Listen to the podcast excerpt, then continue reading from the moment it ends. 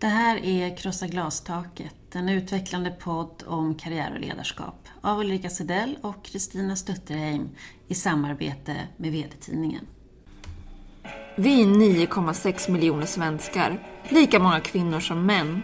Kvinnor står för hela 64 procent av alla högskoleexamina, men bara för 42 procent av det som är arbete. Det är bara 37 procent av alla chefer som är kvinnor. I Sverige är 25 procent av alla egenföretagare kvinnor. Bara 20 procent av alla professorer är kvinnor och bara 12 procent av alla VD-positioner innehas av kvinnor. Det ska vi förändra. Välkommen till Krossa glastaket, en utvecklande podd om karriär och ledarskap för dig som vill ta kommandot över dina professionella vägval och använda hela din potential. Vi kommer att ha samtal med företagsledare, vi kommer att ge tips, vi kommer att spana och det kommer finnas möjlighet för dig att få svar på just dina frågor. Vårt tema den här gången, det är att välja chef och att undvika duktighetsfällan. Och vi kommer att få träffa Louise Sander som är VD för Handelsbanken Li. Men vi som har den här eh, podden är jag, Ulrika Sedell, och du, Kristina Stutterheim. Hur är det, har du stött på några glastak under din livskarriär? Eh, Ja, det har jag nog gjort. Jag tror jag har säkert stött på många, både som jag har insett att jag har gjort och eh, kanske i stunden och andra där jag reflekterat senare och sådär. Så det där är jättespännande att tänka på. Men något som slår mig lite specifikt, eh, för det Ja, många skäl varför det slår mig specifikt. Det var nog för att det kanske just var några av de första stunderna av reflektion kring det här med vad, vad man som kvinna kan stöta på. Mm. Och det var när jag bodde i USA för drygt 15 år sedan. Eh, och det var helt fantastiskt. Jag bodde i New York, jobbade i två år. Eh, och på ett av företagen jag jobbade så hade jag en manlig VD. Eh, det var två bolag som han var chef för, så att vi var två marknadschefer, två kvinnliga marknadschefer i vardera bolag. Och jag märkte att det var lite tungrot eh, mellan henne och mig och kunde inte riktigt förstå varför. Eh, men det förklarade vår VD villigt och glatt för mig eh, varför detta var problematiskt. Och det var för att jag var 30 år, svensk, blond, Eh, och hon, en något äldre kvinna, kände sig hotad av detta. Mm. För att du var blond och snygg och ja, ung? Han nämnde ingenting om att eh, min kompetens eller det jag eh, kanske hade hunnit åstadkomma och så, att det handlade om det eller andra saker mm, mm. Eh, eller vad det nu skulle kunna vara. Utan det här eh, plockade han fram och jag minns det faktiskt som att han till och med såg lite road ut. Mm. Eh, jag, ja, att det här var lite så han bollade upp till något eh, på något sätt som då skulle hanteras. Eh. Blev det sen någon slags tuppfäktning mellan er eller var det här en, ett försök att iscensätta något? Tror jag tycker att det var ett försök till att iscensätta något. Så mm. ser jag det nu och nu var det ju många år sedan men eh, det var mer att nej, men man, vi jobbade på och eh, det, ja, det funkar väl som det mm. funkar. Kommer inte ihåg alla detaljer sen, men nej, det blev aldrig någonting. Så att mm. jag, eh, även i stunden när han sa detta så tyckte mm. jag bara att det här var larv. Eh, men, eh, och ju mer jag tänker på det och tittar tillbaka så har det ju bara Herregud. Mm. Men det skulle jag säga var, eh, men i det här också eh, var, under de här två åren när jag bodde i USA eh, och hade en mängd olika jobbmöten rätt ofta med män när jag tänker efter, att det ändå liksom var väl rätt manligt dominerat eh, där jag verkade. Så skojar jag inte om jag säger att 99,9% av alla dessa möten inleddes med att ändå kommentera just detta, eh, att jag var tjej och jag var från Sweden och, och very blond och så vidare. Det var liksom ingången. Sen kunde det absolut övergå till professionella möten, men mm det där det var med alltid med. Ja, mm. tröttsamt. Mm. Och att man, du fick den rollen, vilket också ja. forskning visar att är man en minoritet, är man ensam kvinna i ledningsgrupp till exempel, då är det inte bara eh, Ulrika med sin kompetens eller Kristina, utan det är också kvinnan som talar. Så, ja. Så det blev ju också ja. väldigt tydligt ja. kommunicerat. Ja, mm. verkligen. Mm. Och verkligen var en kontrast av, till liksom jobb min verklighet i Sverige innan. För på det sättet hade inte jag stött på det här som blev så dagligen tydligt. Liksom. Eh, ja. Och det tror jag är lite branschspecifikt eh, i Sverige. Jag tror att det finns branscher där det aldrig skulle ske. Men det finns fortfarande branscher i Sverige där det sker. Och jag tycker att jag har kunnat se det dels när jag är ute och föreläser på frågorna som uppstår. Men också min erfarenhet av att skräddarsy ledarskapsprogram för kvinnor där det blir en mötesplats till att kvin- prata om kvinnors eh, spelplan helt enkelt. Eh, där har jag ju hört att sånt här händer även idag, fast i specifika branscher. Just det. Ja, du då Ulrika? Eh, något särskilt glastak som du tänker på? Alltså när vi pratar glastak så är det första som, tänk, som jag eh, tänker på, det kanske inte mig själv, men jag har egna erfarenheter också. Men det är ju eh, att jag har mött så många, jag mött ju både kvinnor och män när jag jobbar i mitt arbete med att eh, utveckla ledarskap. Men att jag har eh, fått höra om så mycket glastak där kvinnor eh, blir stoppade eh, av omedvetna beteenden många gånger. Eh, små, små, små beteende som till slut blir ett mönster som till slut blir ett stopp. Eh, och som gör att kvinnor inte då får den här tjänsten eller blir befordrade. Och det var ju också bakgrunden till att jag tillsammans med Lena Gustafsson skrev boken Bortom glastaket. Eh, där vi intervjuade 28 eh, kvinnor på toppositioner. Nu säger jag 28, det var faktiskt 27. Det är okej. Eh, och utifrån det så hittade vi ju gemensamma nycklar för vad som hade gynnat de här kvinnorna. Men det kommer vi ju prata mer om sen. Mm. Verkligen. Intressant. Kristina, har du gjort någon spaning sådär allmänt där, vi har, där du har kunnat konstatera att glastak? Ja, jag tycker det har varit en sommar med, som har givit många uppslag inom detta. Eh, min ingång eh, kanske inte blir den du tänker, eh, nämligen eh, OS. Har du varit engagerad i de olympiska spelen i år? Jag är inte jättesportengagerad, Nej. men jag har ju hört lite grann. Det gick ju jättebra för Sverige. Ja, så du är medveten om att det har varit OS. Det är bra. Eh, jag brukar vara rätt engagerad i OS. Det här var nog första året som jag av olika anledningar bara inte var jätteengagerad. Och då pratar jag om det sportsliga.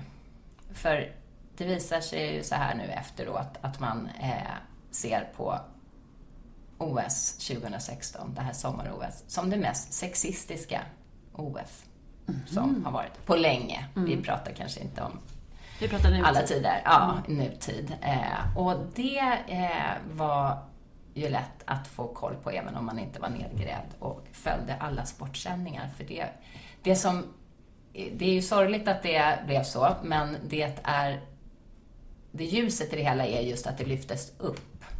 Det inte gick spårlöst förbi detta. Eh, det har skrivits artiklar och det var, fanns jättemycket delningar digitalt och det har gjorts eh, parodier på saker och ting eh, kring detta. Eh, och det är förstås hemskt att det ska behövas, men som sagt, mycket som har lyfts i ljuset i alla fall. Och det har handlat om vad är det, vilka frågor ställer man till kvinnliga atleter kontra manliga?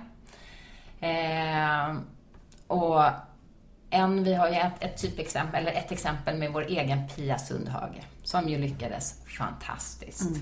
Verkligen. Ja, förde eh, detta eh, landslag till eh, en silverplats. Final i OS. Fantastiskt. Eh, och ändå får hon ju frågan eh, om hon skulle kunna leda ett manligt fotbollslag.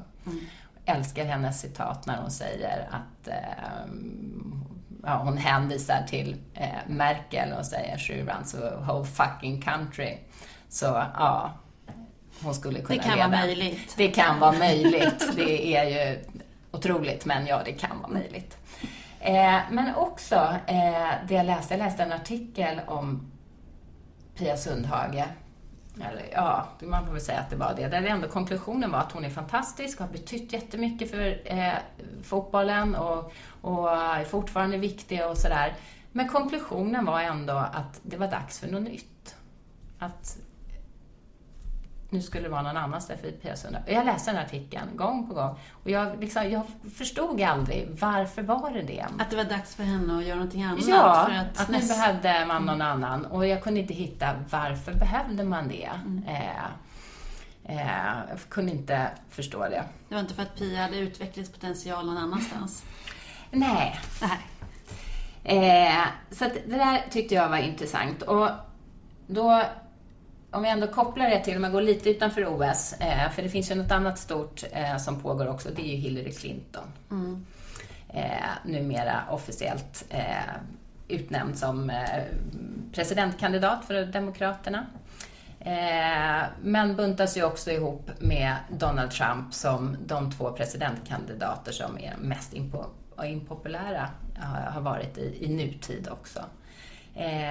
Ändå visar sig nu att fram tills, inte bara den här nomineringen, utan när hon uttalade att ja, jag vill eh, run for president, då har Hillary under många år toppat listor kring att vara den mest populära kvinnliga ledaren, eh, mest beundrade och så vidare. Och sen när, när eh, hon nu tog det här steget eh, att faktiskt eh, vilja eh, eh, sikta på ett av världens liksom, högsta ämbeten, då har det här helt vänt. Och nu har hon då, eh, ses hon som en, den mest impopulära presidentkandidaten. På, genom tiderna? Eller? Ja. Eh, tillsammans med Trump, så det är, det är väldigt fantastiskt intressant. Det är ett stort land som eh, vad de får fram med två kandidater som anses vara de mest impopulära. Men just hennes skifte. Mm. Hon har inte gjort någonting annorlunda. Mm. Eh, det enda hon har gjort är att sikta mm. ännu lite högre mm. karriärmässigt. Och då bara tänker jag, eh, i min lilla spaning här, här har Pia eh, kommit långt och gjort något nu ska jag inte bygga allt på vad just den här artikeln, men mm. den där känslan av att då det där kommer upp liksom, att ja, men nu kanske det är dags för något annat. Och samma sak med Hillary Clinton. Varför vänds det här när, mm. när man vill ta ett steg längre? Mm. Och för mig blir det lite att det här med glastak är just det här hit men inte längre. Mm. Och det är lite det som jag tar med mig av, av de här olika mm. spaningarna mm. eh, från senaste veckornas eh, händelser. Vad tänker du om det? Förstår ja, du hur jag tänker? Ja, jag tänker också på... Jag har ju hört Mona Sahlin berätta det här om sin väg. Det här är ju flera år sedan som hon eh, tog sig an ordförandeskapet för Socialdemokraterna. Men eh, det här med när kvinnor säger ja, jag vill mm. eh, ta mig mm. an detta uppdrag mm. och hur eh, hur eh, diskussionen sen vänder. Mm. Jag menar om Hillary nu som, den, som en politisk broiler och, och Absolut, men det, det, och det som är intressant är ju inte om de här personerna vi pratar om är så fantastiskt skickliga eller inte, utan det är ju hur omdömena plötsligt förändras. Mm. Eh, definitivt ett mm. glastak. Mm. Som borde krossas. Yes. Du då, vad har du gjort för spaningar kring detta? Mm. Jag har ju då eh, tittat lite på eh, techbranschen. Mm eh, det var ju här för ett tag sedan så hade Dagens Industri ett eh, stort uppslag om Sveriges eh, eh, fantastiska 27 stycken techmiljardärer som vi har. Fantastiska personer som har gjort stora eh, framgångar. Eh, de är 27 stycken. Vet du hur många kvinnor? Nej, jag vågar inte ens gissa med tanke på att du tar upp det här. Så är det tänker noll? att de är få. Det är noll kvinnor. Det är noll kvinnor. Eh, och det där blev jag lite intresserad av. Så tänkte, hur, hur, hur ser analysen ut? Så jag började läsa den här artikeln och började fundera på vad... Okej, okay, det kan vi konstatera att det ser ut så. Men varför ser det ut så? Mm. Eh, nu stod det inte så mycket om det, men då började jag titta på men hur ser då finansieringen ut? Eh, för internet och, och den här eh, ah, startupsbranschen är ju beroende av riskkapital eh, som eh, eh, nu bygger den här branschen. Och hur ser då fördelningen ut mellan kvinnor och män? Och då är det faktiskt så att 9 av 10 riskkapitalinvesteringar går till en man. 9 av 10. Ja, eh, Industrifonden brukar göra sammanställningar för jämställdhet är en viktig fråga i den här branschen eh, såklart. Eh, så att det finns ju flera som bevakar och, och räknar och så. Industrifonden är en sån. Och då kunde man konstatera att 2015 så investerades det i ja, alltså, över 8 miljarder i den här branschen. Mm. I riskkapital. Eh, och då har man tittat på hur fördelningen har varit. Och då är det då att eh, eh det är bara 3 procent av de här pengarna som gick till eh, entreprenörer som enbart var kvinnor. 3 procent. Och då pratar vi både kapital som kommer från statliga eh, Vinnova till exempel och, och privata bolag. 8 procent gick till bolag som både är, finns män och kvinnliga eh, eller män och kvinnor som grundare. Mm. Resterande gick alltså till bara eh, manliga grundare. Så det är inte så konstigt att de inte blir då listade på den här listan. Nej. För det krävs ju vissa förutsättningar. Mm. Och det där eh, tycker jag är, det är ju lite konstigt 2016. Vad är det som gör att det fortsätter på detta vis? Är det så att, det, är det så att kvinnor faktiskt är rätt eh, usla entreprenörer? Att de inte lyckas? Är det så att de är dåliga företagare? Så att det, är, det kan inte de man ska satsa sina investeringar på. Nu tror inte jag det. Och det finns ju en hel del forskning som visar på det också, att kvinnor är både kompetenta och har, gör höga resultat. Men kapitalet uppenbarligen tar sig en, en form och en struktur där det går till män. Man ska vara en Daniel Ek, man ska vara ung, man ska vara man, man ska vara ingenjör. Eh, och så naturligtvis begåvad och ha bra idéer, självklart. Men det finns en stereotyp eh, form för att tillskansa sig kapital. Tydligt, solklart. Verkligen. Glastak. Verkligen. Wow. Ja, ett glastak vi ska krossa. Eller hur? Fantastiskt. Eh, bra start eh, på den här podden. Mm. Verkligen. Och idag ska vi träffa Louise Sander. Det ska vi. Mm. VD på Handelsbanken Liv. Och som har varit med mig en hel del på föreläsningar. Jag har varit runt och föreläst om boken Bortom glastaket. Eh, och jag vet att hon brukar ha en riktigt bra tips om vad som har gynnat just henne att ta sig förbi glastaket. Och det ska vi få höra mer om.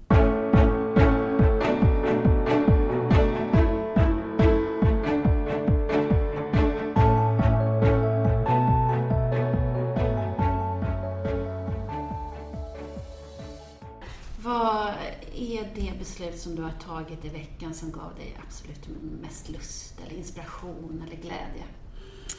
Ja, det har bara gått tre dagar på veckan ännu men eh, Mm. och det är inte alltid man får förmånen att fatta beslut som ger en så mycket lust och glädje. Men den här veckan har, faktiskt, eh, har vi i ledningsgruppen fattat beslut om att vi ska ytterligare höja ambitionsnivån på våra hållbara eh, investeringsalternativ. Eh, Det är en väldig kundefterfrågan på hållbara fonder och våra kunder tittar ännu mer på hållbarheten än på avkastningen ibland i yngre generationer. Så det, är, mm, det är ett roligt beslut som jag har fattat faktiskt.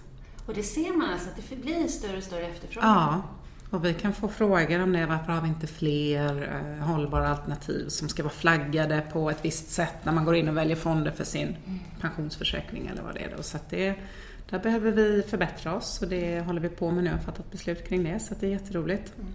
Och det, ni tror att det är en generationsfråga?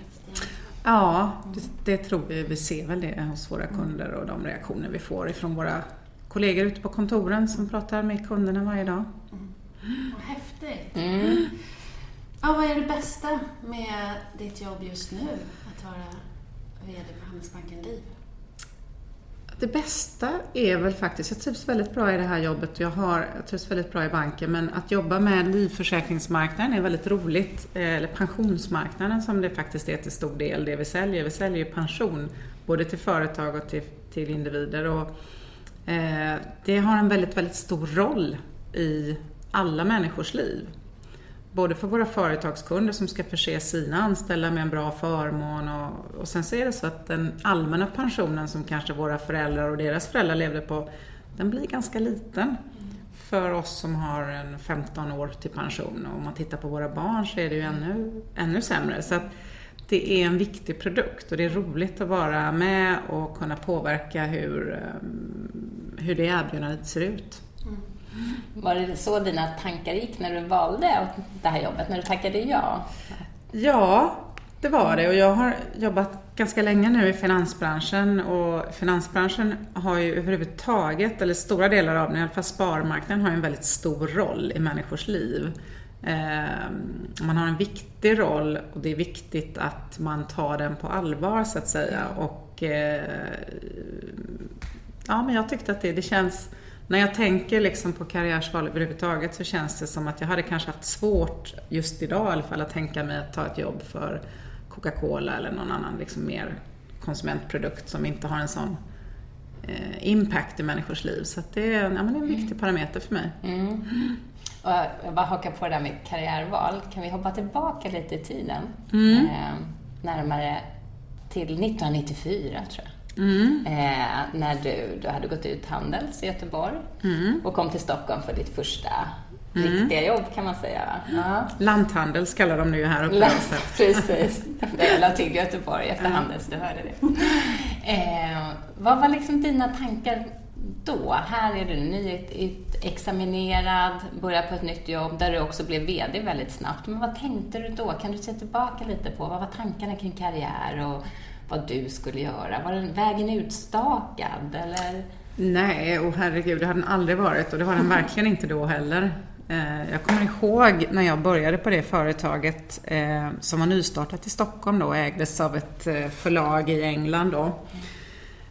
Och vi var kanske tio pers på svenska kontoret, ett utbildningsföretag och vi fick börja med att bära in skrivborden och hjälpa till med det. Och jag var liksom jag var helt överväldigad att någon ville betala mig en, en, en lön varje månad. Jag kände att jag hade ett enormt ansvar att leverera.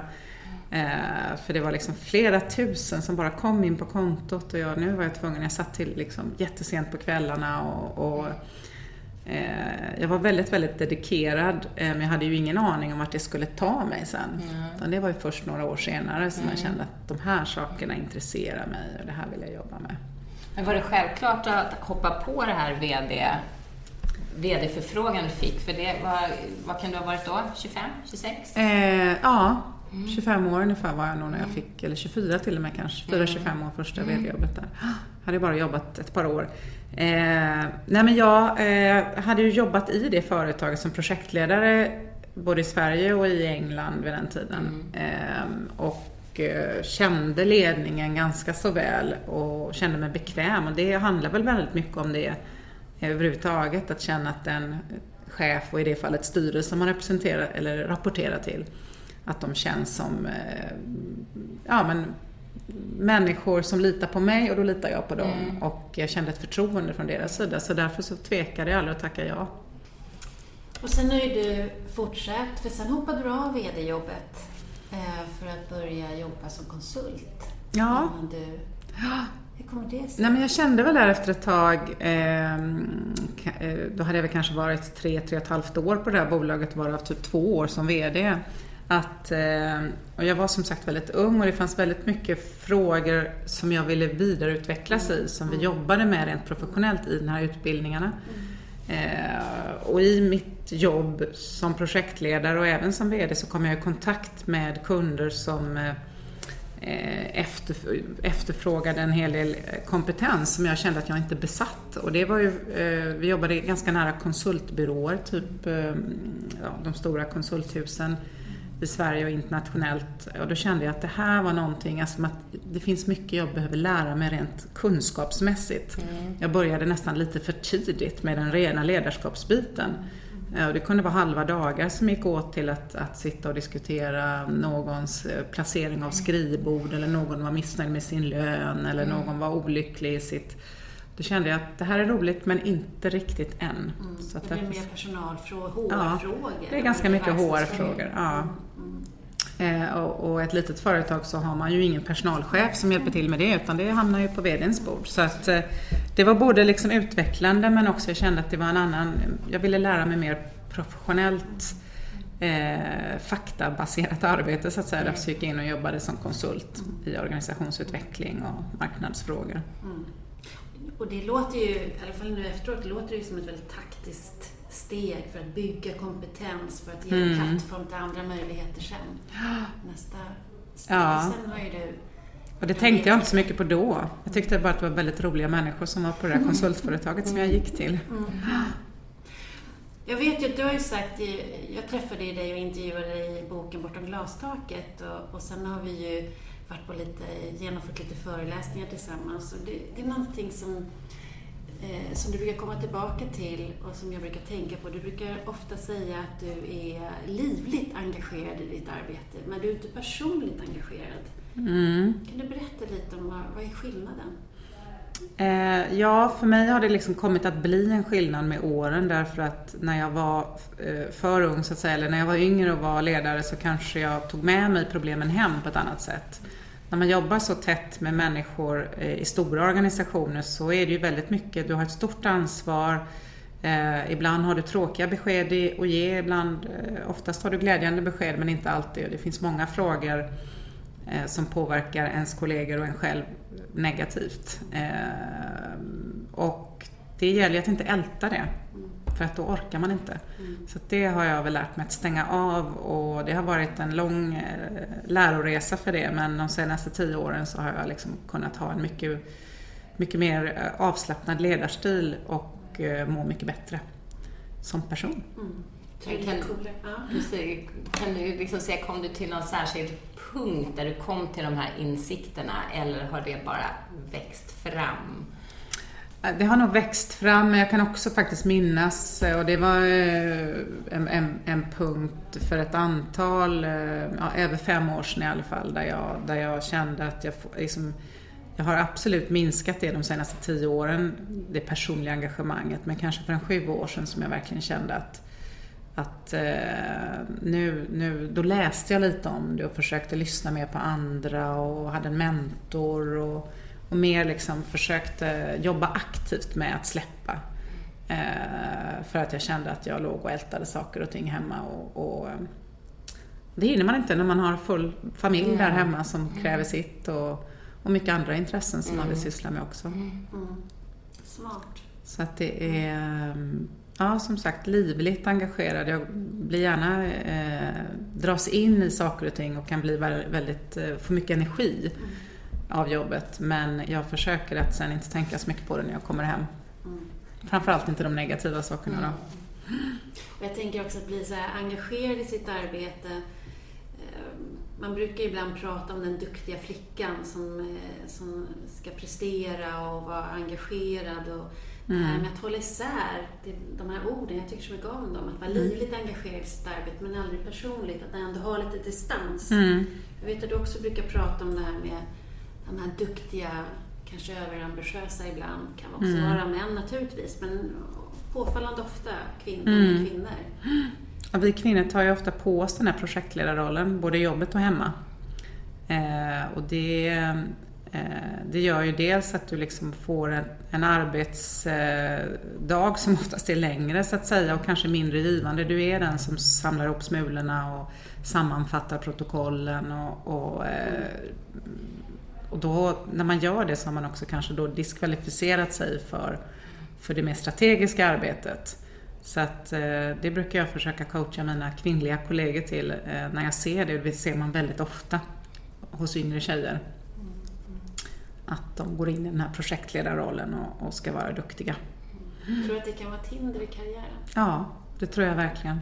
På vilket sätt då? Ja, men man blir den här nyttiga personen som alltid är bra att ha till hands. Eh, men eh, sen är det några, eh, kanske ibland då manliga kollegor som går vidare och fattar och jobbar med strategier. Och själv kan man vara den som sitter sent på kvällen och skriver rent dokument och, och ja. Så att det Det där tycker jag mig också se när jag och jobbar som konsult i olika branscher. I, har jobbat mycket med ingenjörer nu ett tag och där är många som, som visar på att man kliver in från KTH, tjej som kille, och har eh, samma förutsättningar, samma bakgrund. Men av något outgrundlig anledning så hamnar kvinnorna med planering, organisering, administration och killarna med teknik. Och det är det som är karriärsvägen sen Ja. i de branscherna. Och det behöver inte Alltså någonstans så tror jag att liksom, och det får jag höra ibland, men det ligger i våran biologi. Jag gillar ju det här, jag gillar att organisera. Och gillar man det och trivs med att vara kvar i den rollen så är det ju jättebra. Men jag tror att bara för att man är bra på det så innebär inte det att man ska göra det. Arbets, på, på arbetsplatsen i alla fall. Utan tänk efter då, att vill jag vara kvar i den här rollen? Eller vill jag ta ett steg vidare? Och vill man ta ett steg vidare så ska man nog släppa eh, det där. Och det är ju eh, men det är väl ungefär som hemma, att eh, mm. är man den som, jag är projektledare hemma också, då står jag ju där med matlagningen ja. och planeringen och handlar presenterna och så vidare. Men om jag hade släppt så hade min man tagit mycket mer, så är det ju bara. Mm. Ja. Man fyller varandras tomrum lite grann, både på arbetsplatsen och, och i hemmet. Mm. mm. Jag, vet, jag har varit med ett par gånger när du har pratat om de här sakerna och sen så när du går in på en lite mer detalj eller råd kring det här så går det som ett sus i salongen skulle jag vilja säga. Eller nästan, några håller nog andan. Jag tror alla gör det förtjust men också lite så här, oj, det är när du säger att, att, eh, man måste, att eh, kvinnor måste bli lite mer slarviga. Mm. Vad, vad, tror du, vad, vad, lägger du i det och vad tror du att det nästan kan upplevas lite provocerande? ja, nej, men det kan det nog. Ja, men det är väl min erfarenhet efter de här åren eh, som, som ledare och kollega att jag tror att eh, har man en för hög ambitionsnivå att allt ska vara perfekt och du kan inte lämna ifrån dig någonting förrän allting är perfekt, då får du inte ur dig någonting till slut. Och där har eh, där tycker jag mig se eh, en, en skillnad mellan män och kvinnor i, i vad man eh, alltså är det 80-20 på något sätt? Det som, kan, man, kan man släppa lite för att komma fortare fram, få en leverans eh, och lita på sig själv, lita på sin intuition. Eh, det tror jag är jätteviktigt. Mm. Och det är klart att det kan vara provocerande. Ingen vill ha en slarvig medarbetare. Eller men, känna sig slarvig. Eller känna sig slarvig för den delen. Men jag tror att man ska titta runt omkring och se hur gör dina manliga kollegor i de här mm. fallen. Eh, och, och ehm, ja, jag tror att det är inte alltid det som premieras, att du har 100% eh, leverans i allt i, liksom nere i kommateringen av mm. dokumentet. Mm, mm, mm. Den här podden handlar ju mycket om karriär, det handlar om ledarskap och det är, vi har också utlovat att ge en hel del karriärstips under de här eh, kommande avsnitten. Och om du tittar tillbaka på din karriär, vad är det som har gynnat dig? Kan du se när du tittar tillbaka eh, vad, om du har haft någon speciell strategi, om det har varit vissa faktorer som varit viktigare än andra?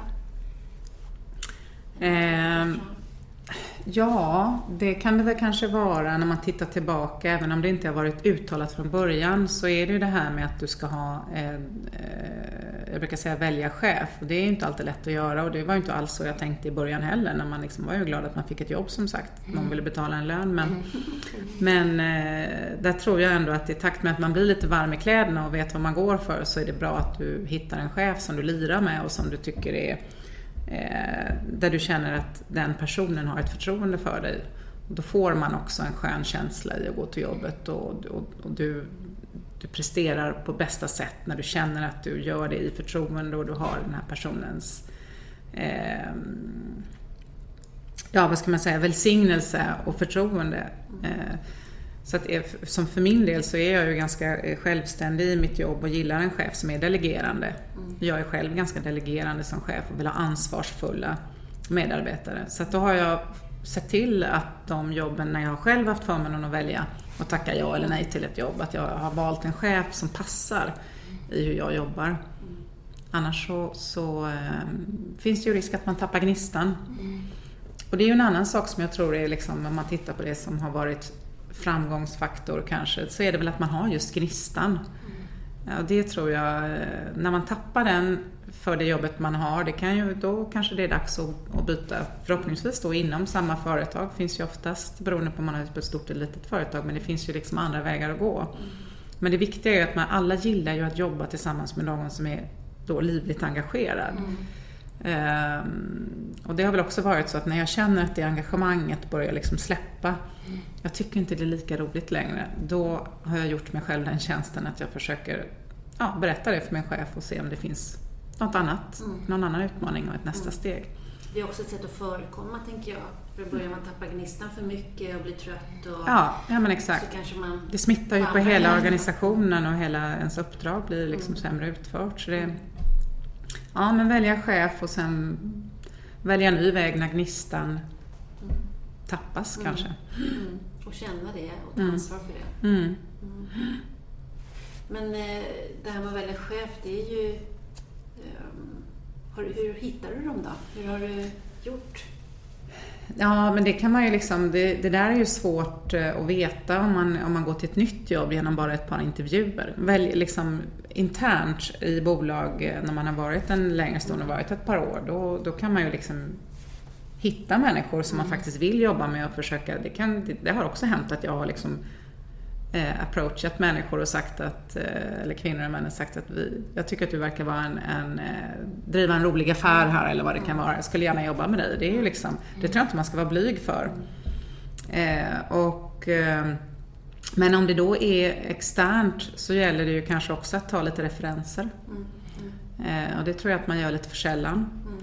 Och det är framförallt nu så att säga om man har uppnått, eh, ja men om man har lite valmöjligheter på, på arbetsmarknaden så är det jättebra att ta referenser. Du får oftast väldigt eh, bra du känner ofta nu när de här fantastiska nätverken med LinkedIn och så finns så går det ganska lätt att hitta någon kompis kompis som jobbar på det här jobbet där du eventuellt är intresserad av.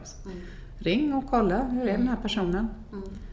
Så att, ehm, Bra. Mm. Bra tips där. Verkligen. Nej, och det där har jag funderat på för egen del, just tänkt tillbaka om jag har aktivt valt chef. Jag har nog hittills kommit fram till att jag kanske inte riktigt har gjort det, men att jag just har valt bort. ja man väljer bort, det är väl det. Ja. eh, Och eh, antingen Mm. gått eller så. Sen så tror jag finns ett utrymme just för det där att, att göra mer research. Eh, Mm. och dels som du säger att det finns så många möjligheter idag, men jag har träffat på också några unga tjejer som när de nu håller på och söker jobb och jag tycker de resonerar jätteklokt och verkligen har i intervjutillfället försökt fråga lite Mm, mer mm. eh, om eh, den potentiella chefens syn på ledarskap och så här. Men de har tyckt att det varit lite motigt. Att, eh, att de upplevt eh, att de här cheferna då har haft kanske lite svårt att svara på Mm. eller liksom tycka att nej men Jag det tror är att inte det, en vi ska prata om Nej. nu och sådär.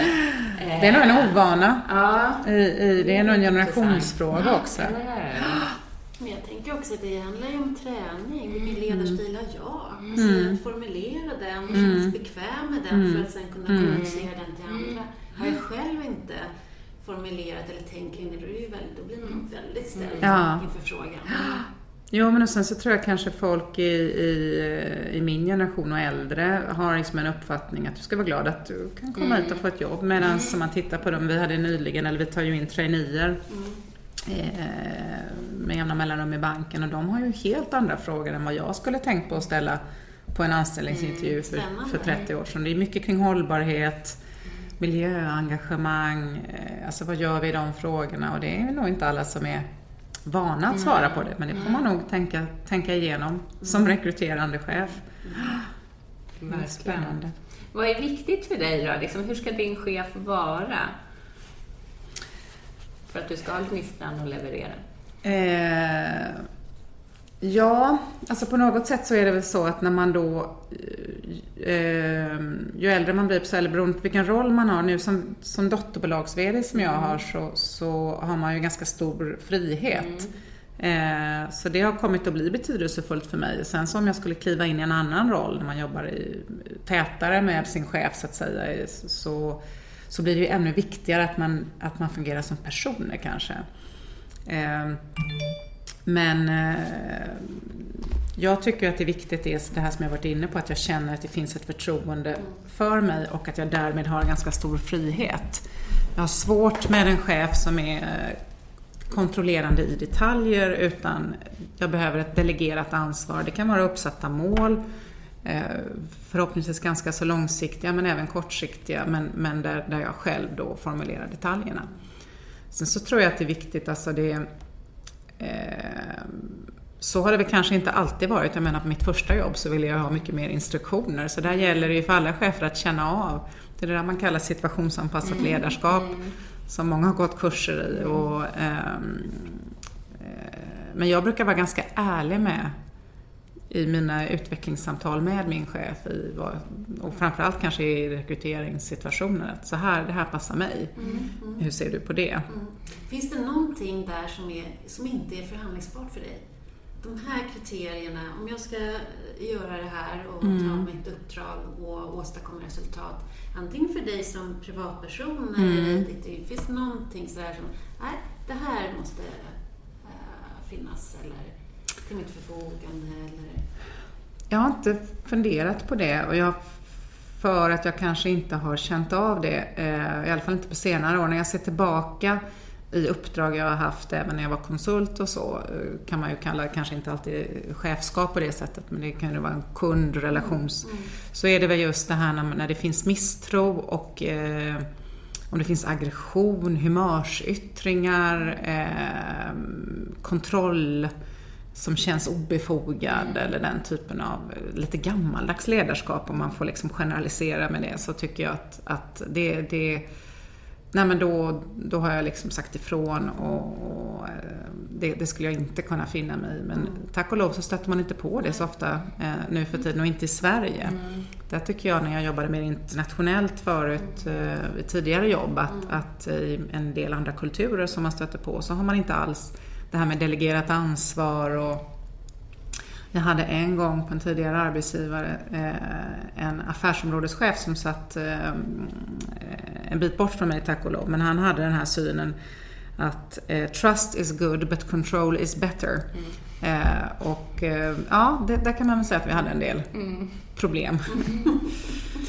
Men jag tänker också, när jag jobbar med chefsanledning så stöter jag också på det här dilemmat med eh, balansen mellan att vara förälder och balansen mellan att vara chef och hur mycket får vissa saker ta tid. Att ja, men jag vill hämta barn två dagar i veckan, punkt slut. Det är inte förhandlingsbart. Eller, eh, alltså de gränsdragningarna också. Jag har aldrig stött på det, jag har aldrig behövt lyfta fram de frågorna. Eh, och jag tror att de flesta idag i moderna arbetsplatser, och framförallt om du tar en ledarroll där du lägger ner mycket energi, det är liksom självklart att du, eh, om du har barn i skolålder och till och med dagisålder som jag liksom eh, hade fortfarande när jag klev in här, väl nästan, nej det hade jag faktiskt inte, nej. Eh, Men i alla fall att man, att man går tidigt för att vara med på barnens träningar eller går på föräldrasamtal och annat. Det, är liksom, det tar jag för givet. För givet. Så jag tar aldrig upp det som en liksom förhandlingspunkt. Så. Sen har, vi, har jag i och för sig gjort så att vi har alltid haft hjälp hemma med hämtning någon dag i veckan eller två. eh, För att kunna få en frihet. Eh, Det är ett val man gör. Och hade jag känt att jag var ensam med att hämta varje dag när barnen var små så, så hade man kanske tagit upp en sån diskussion. Men det, eh, nej, vi har fått det där att funka. Men jag vet också att du- har sagt någonting eh, om att det här att ju högre upp man kommer som chef, desto större frihet blir det ju som ett råd också till de som inte hoppar på chefsjobb, för man tror att arbetsbördan kommer bli så mycket större och så. Eh, hur tänker du kring Nej men det tycker jag, alltså när jag satt som eh, projektledare eller så, eller vad jag liksom eh, tidigare jobbade, även kanske de jobb jag hade när jag fick mitt första barn, när jag var konsult, och liksom, då satt jag ju som projektledare och kunde ha deadlines eh, som inte alls funkade med att hämta barn på dagis. Eh, det är ganska sällan jag känner att i mitt jobb nu, som, och i de ledarroller jag haft de senaste åren, att det är klart att jag kan åka iväg och hämta och göra någonting, vara med på en fotbollsmatch och sen så jobbar jag på kvällen. Och det är oftast inte den kniven på strupen om det inte är något specifikt eh, beslut som ska fattas eller så. så att det är mycket, mycket större frihet i ett sånt här ledarjobb än att, att eh, Än om man är projektledare. Ja, då får du inte säga om man då sitter i, i en eh, kassa någonstans eller då du har väldigt schemalagda arbetstider. Det är ju väldigt många som har schemalagda arbetstider så att det, där ska man ju vara oerhört tacksam att man inte eh, behöver så att säga krångla in ett schema bara för att få kunna komma iväg och göra något. Men det, det där är viktigt som du säger, för jag har ju själv träffat en hel del kvinnor som har tackat nej till högre tjänster Mm. därför att de har småbarn och känner att nej, jag kommer aldrig att palla. Medan väldigt många säger det är precis det du kommer att göra. Ja, är frihet. Vi ska ju börja runda av och jag tänkte fråga dig Louise. eh, Den här podden handlar om glastaket och vi sätter ljuset på eh, skillnader i kvinnor och mäns spelplan i, i yrkeslivet. Om du tänker tillbaka utifrån din utkikspost, antingen på dig själv eller på det du har sett. eh, Har du sett fall kvinnor och män har olika beteenden eller att vi förväntas olika på oss beroende på vilket kön vi har? Eller? Ja, det där är en svår fråga. Jag tror att utgångspunkten i det är väl att man ska, liksom, det finns en biologisk skillnad i kvinnor och män och det är en skillnad i, i eh, kanske liksom om man generaliserar den generella kvinnliga ledaren och den manliga. Det tror jag att vi kan liksom bejaka och, och att de flesta skriver under på. Och eh, vad menar jag då med det? Jo, att Kanske är det så, om man generaliserar, att kvinnor har lite lättare till sina känslor och det använder man även i ledarskapet. Man pratar oftare om känslor, man pratar om värderingar.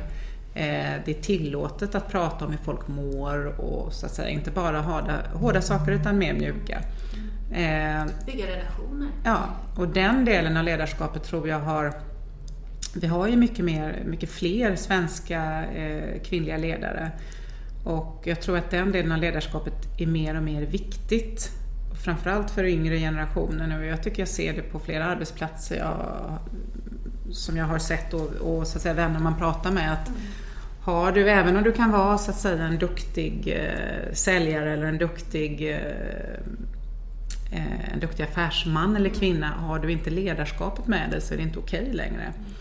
Så att, eh, och där, därmed så tror jag att liksom det, det finns en större acceptans, förståelse och emottagande så att säga av den kvinnliga delen av ledarskapet om man generaliserar. Eh, Vi började podden, eh, Louise, 25 år, nyutexaminerad och första jobbet. Och om vi avslutar där, eh, och nu är det inte du som är 25 och nyexad. Eh, vad skulle du, du har givit en massa råd i, de här, i det här samtalet, men kan du plocka ut något som du skulle vilja ge till den där nyexade Louise? mm. Om det ska vara till en tjej då alltså? Tänker det. Ja, eh, nej men alltså det är väl det första och det är väl ett generellt råd, det är väl att alltid välja med hjärtat eh, och, och liksom eh, välja saker du brinner för att jobba med. Så ska man kunna försörja sig också naturligtvis, men, men eh, inte välja som kompisar eller det som kändes rätt eh, just för att någon annan sa det, utan välja med hjärtat. Eh, och sen kan jag väl säga att jag tycker att det är väldigt viktigt att eh, välja rätt partner utifrån, just som man säger, det är ju eh, ett karriärstips så gott som något. Taktiskt val. Eh, ett taktiskt, nej men som kvinna, om du tänker dig att karriären är viktig, då gäller det att också välja en partner som tycker att det är okej att din karriär är lika viktig som min. Eh, vi kommer att dela på saker och ting. Eh, det där kanske är självklart för de yngre generationerna nu, men, men för väldigt Det kan jag säga att det inte är när jag är ute och föreläser på universiteten. Nej. Det här är en fråga man brottas med. Och jag tycker att nu borde det i Sverige i alla fall, om man nu stannar i sitt arbetsliv i Sverige, inte vara en fråga längre. För det är ju så utbrett med både mammaledighet och pappaledighet och de flesta delar. Men, men det är väl ett, en jätteviktig sak att fundera på. Planera lite grann. Man behöver inte karriärsplanera, men planera lite istället kring hur vill du ha ditt liv? Eh, Det är en viktig fråga att ställa sig. Bra, tack. Härligt avslut. Planera lite kring ditt liv, hur du vill ha det. Vi rundar av och tackar Louise så mycket för idag. Tack så hemskt mycket. Tack, tack. Så Ulrika, ska vi försöka knyta ihop den berömda säcken. Mm, det här avsnittet. Mm. Vi har fokuserat lite extra på det här med att välja chef och att inte ramla i duktighetsfällan. Det som vi har hört Louise prata om också. Och det kan ju vara lätt att säga, både att välja chef och inte ramla in i duktighetsfällan. Men det finns strategier för att göra det. Det gör det verkligen. Kan inte du börja och ge några konkreta tips, Ulrika? Eh, att välja chef börjar ju först och främst med, ja men vem är bra chef för mig? Det inte, betyder ju inte att det är samma person som är bra chef för dig. Så att det första är att identifiera sina egna behov. Vad är viktigt för att just du ska kunna leverera och må bra. Det kan vara stor handlingsfrihet, som vi hörde Louise prata om. Eh, men det kan också vara tydliga förväntningar på resultat. Eller det kan vara andra saker som har mer med balans mellan arbetsliv och familjen till exempel. Mm. Och något annat väldigt konkret är att intervjua den potentiella chefen, ordföranden, en uppdragsgivare. Mm. Eh, och ta reda på lite mer hur hen tycker och tänker kring ledarskap och så vidare. Mm. Då skulle man kunna ställa några konkreta frågor, mm. typ? Ja, vilka förebilder har hen? Mm. Eh, det säger rätt mycket om en person. Mm. Eh, att beskriva sitt ledarskap och då inte bara med superlativ eller med beskrivande ord utan faktiskt berätta om anekdoter. Hur hanterar den här personen eh, konflikter kanske? Mm. Eller hur ger den feedback?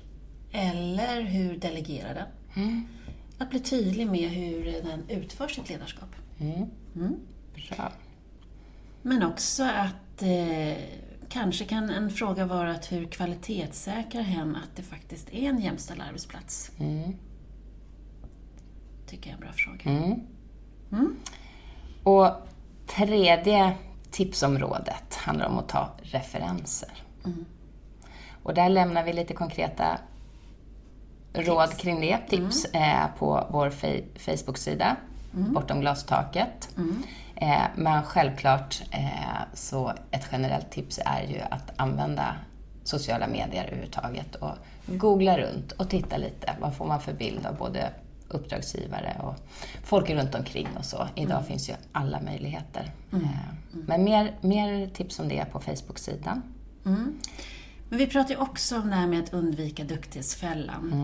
Mm. och några saker som kan vara väsentliga att sätta, eller att eh, bli medveten om, det är ju sina egna gränser.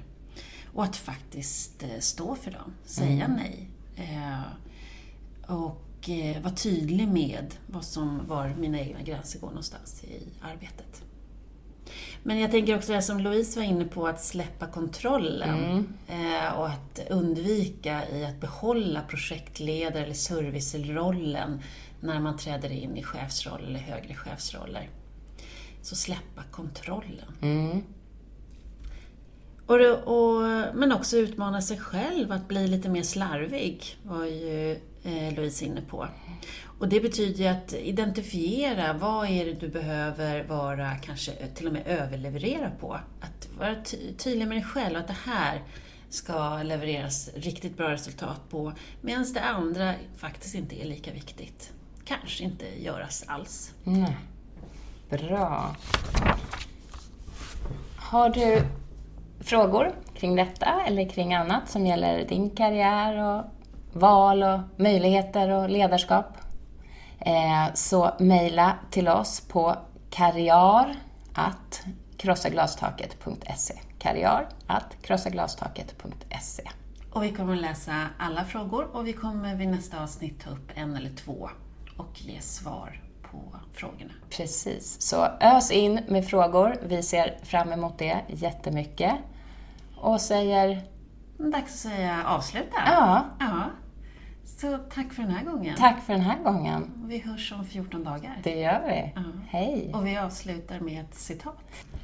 The only thing she's got going is the woman card. Donald Trump om Hillary Clinton våren 2016. Nu är Hillary officiellt nominerad till Demokraternas presidentkandidat och många skriver att glastaket är krossat officiellt. Ja, vad blev det unisona svaret på det från Hillary och många, många av oss andra? Jo, and what a card that is.